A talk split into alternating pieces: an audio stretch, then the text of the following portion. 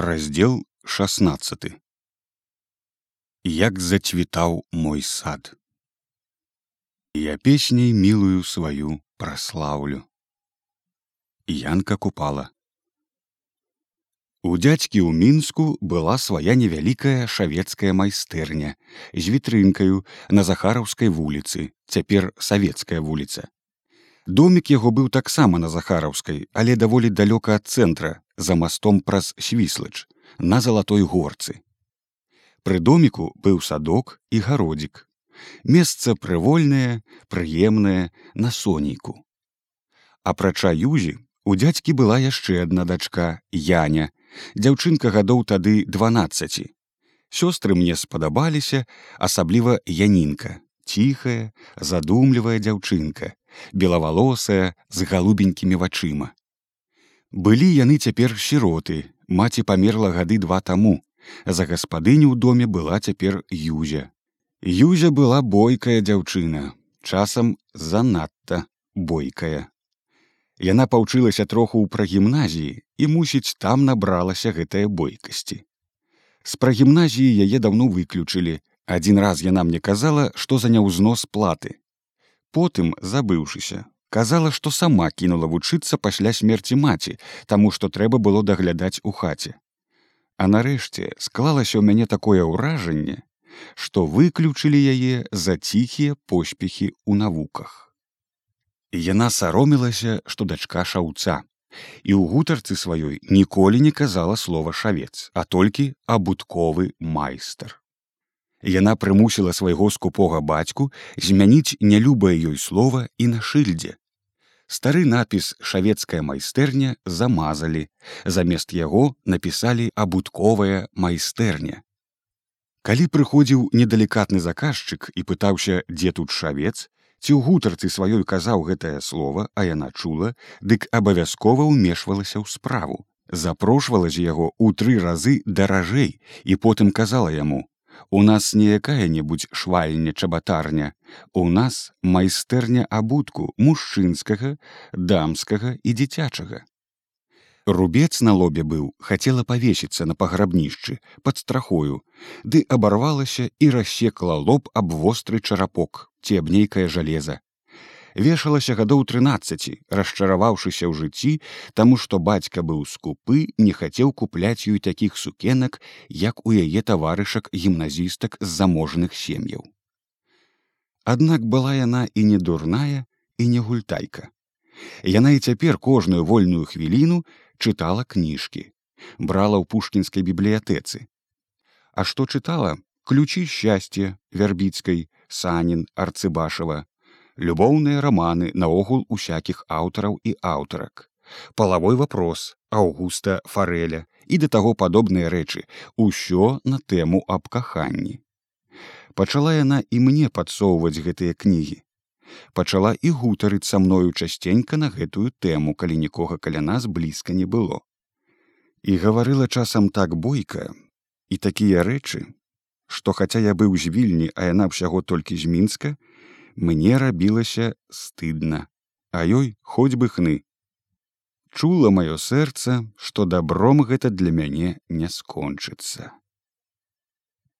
І вось пражыў я ў іх год з нечым. І ў канцы вясны, у пачатку лета ў адну прыгожую раніцу, пасля таго прыгожага ўчарашняга вечара, што прабалаваліся мы з юзею, захацелася мне бегчы ўцякаць адгэтуль, куды вочы глядзяць, Раніцою сказаў дзядзьку, што атрымаў ліст з вільні, запрашае адзін таварыш на вяселле і што можа і доўга не вярнуся, а можа і зусім не вярнуся, бо хачу жыць у вільні. А перад абедам, не развітаўшыся з юзею, садзіўся ўжо ў віленскі цягнік і паехаў.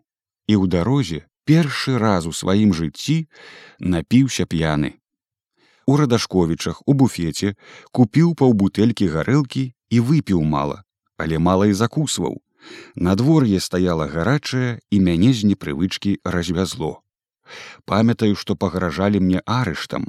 Нехта недзе вымагаў ад мяне нейкі штраф, нехта смяяўся. А я ўсё маўчаў і ўсё праліваў ціхія слёзы. Яны мусіць думалі, што плачу ад хмелю ці ад жалю па грошах, што трэба плаціць штраф. А я плакаў зусім па іншых прычынах. Плакаў, таму што сад мой зацвіў так няўдала.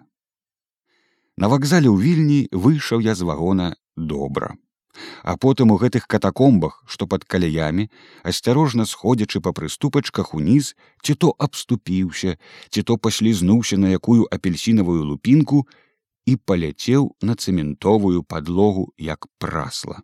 Каб стукнуўся галавою дык пэўна рассеклася б кавуном але галаву уратаваў мусіць выставіўшы руки затое левая рука хруснула два месяцы праляжаў у больніцы кепска лячылі. Тры разы бралі ў лупкі з гіпсам, ледзь і зусім не адрэзалі і выйшаў з рукою сагнутаю ў локці на ўсё жыццё. Але быў рады, што рабіць ёю ўсё роўна здолею, а ў салдаты ўжо не возьмуць і на вайну не пагоняць. Ляжаў я два месяцы нікоменьку не павядоміўшы дзе я і што я. Матцы калі прыйшоў да яе пасля выпіскі зманіў што паехаў быў да бацькі ды грошы на дарогу не хапіла дык я папрацаваў троху ў розных гарадах і вось вярнуўся. Яна дала веры толькі паплакала што я мала люблю яе калі так доўга ездзіў і ніводнага разу вестачкі пра сябе не падаў. А што ў мяне рука сагнутая яна нават і не заўважыла. Пыталася прыглядаючыся да майго твару ці не баліць мне што ці не хварэў я ў дарозе ці добра спаў. Мне не хацелася адказваць. Пытанні яе мяне раздражнялі. А калі я ішоў ад яе мне зрабілася сорамна. Было шкода яе. Яна так пастарэла за гэты кароткі час. А можа таму такое здалося што прывык да свежага дзявочага твару. Юзі і зноў было мне прыкра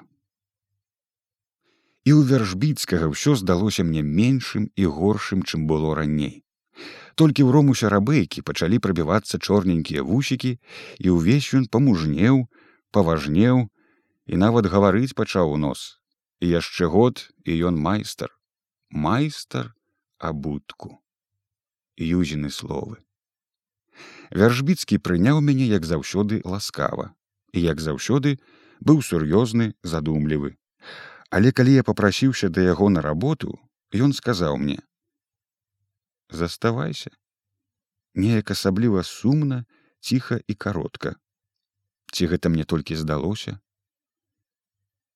Не, думаў я тады, пэўна яму штосьці не падабаецца ў маіх паводзінах за апошні час. І ўжо рыхтаваўся маніць і яму, як наманіў матцы, толькі не ведаў, што сказаць пра руку, калі заўважыць, як буду шыць першы заўважыў рабейка але нічога не сказаў. Яму здалося што гэта я наўмысля для фасону каб пафарсіць адстаўляю так руку. І патрошку непрыкметна пачаў ён пераймаць ад мяне гэтую моду. Ён наймаў цяпер сабе асобны пакойчык. Лічыў сябе дарослым і прыгожым хлопцам ужо і цётка зося часам жартавала з ім як з кавалерам Дык вось сам з далікатнасці пераехаў ад вяржбіцкага. Як пачынаў ён мне ўсё гэта казаць, дык мяне ўсяго вярнула ад яго. Ужо і раней раскусіў я ў ім шляхцюка, але раней ён быў такі няшчасны. І пацягнула ж мяне за язык расказаць яму пра юзю. Цяпер усё, што я ў ёй ганіў, ён падхвальваў і сам пачынаў са мною пра яе гаворку. І так салідна выказваўся бр а я мусіў начаваць з ім у яго пакойчыку. Нібы ласку ад яго вялікую меў. І мусіў з ім гаварыць і мусіў яго слухаць. Знелюбеў ён мне страшэнна. І ўсё мне цяпер знелюбела здавалася што няма ў свеце горшае пакуты як быць шаўцом. Цягнула мяне цяпер немаведама куды немаведама на якую работу Ой, хоць бы якая перамена хацелася мне. І так пранудзіў я ў вяржбіцкага тыдні два ці тры. І да маткі не хадзіў, ад людзей адбіўся. Каб не было сорамна, пайшоўткі да яе. У яе сядзеў брудзяніскі чалавек, пан пстрычка. Сын ці ўнук таго кульгавага пана пстрычкі, у якога некалі служыў дзядуля. Ён пачаў прасіць мяне, каб я паехаў у брудзянішкі дырэктарам у падпольную польскую школку. Мне было ўсё роўна, куды не ехаць, і я згадзіўся і паехаў.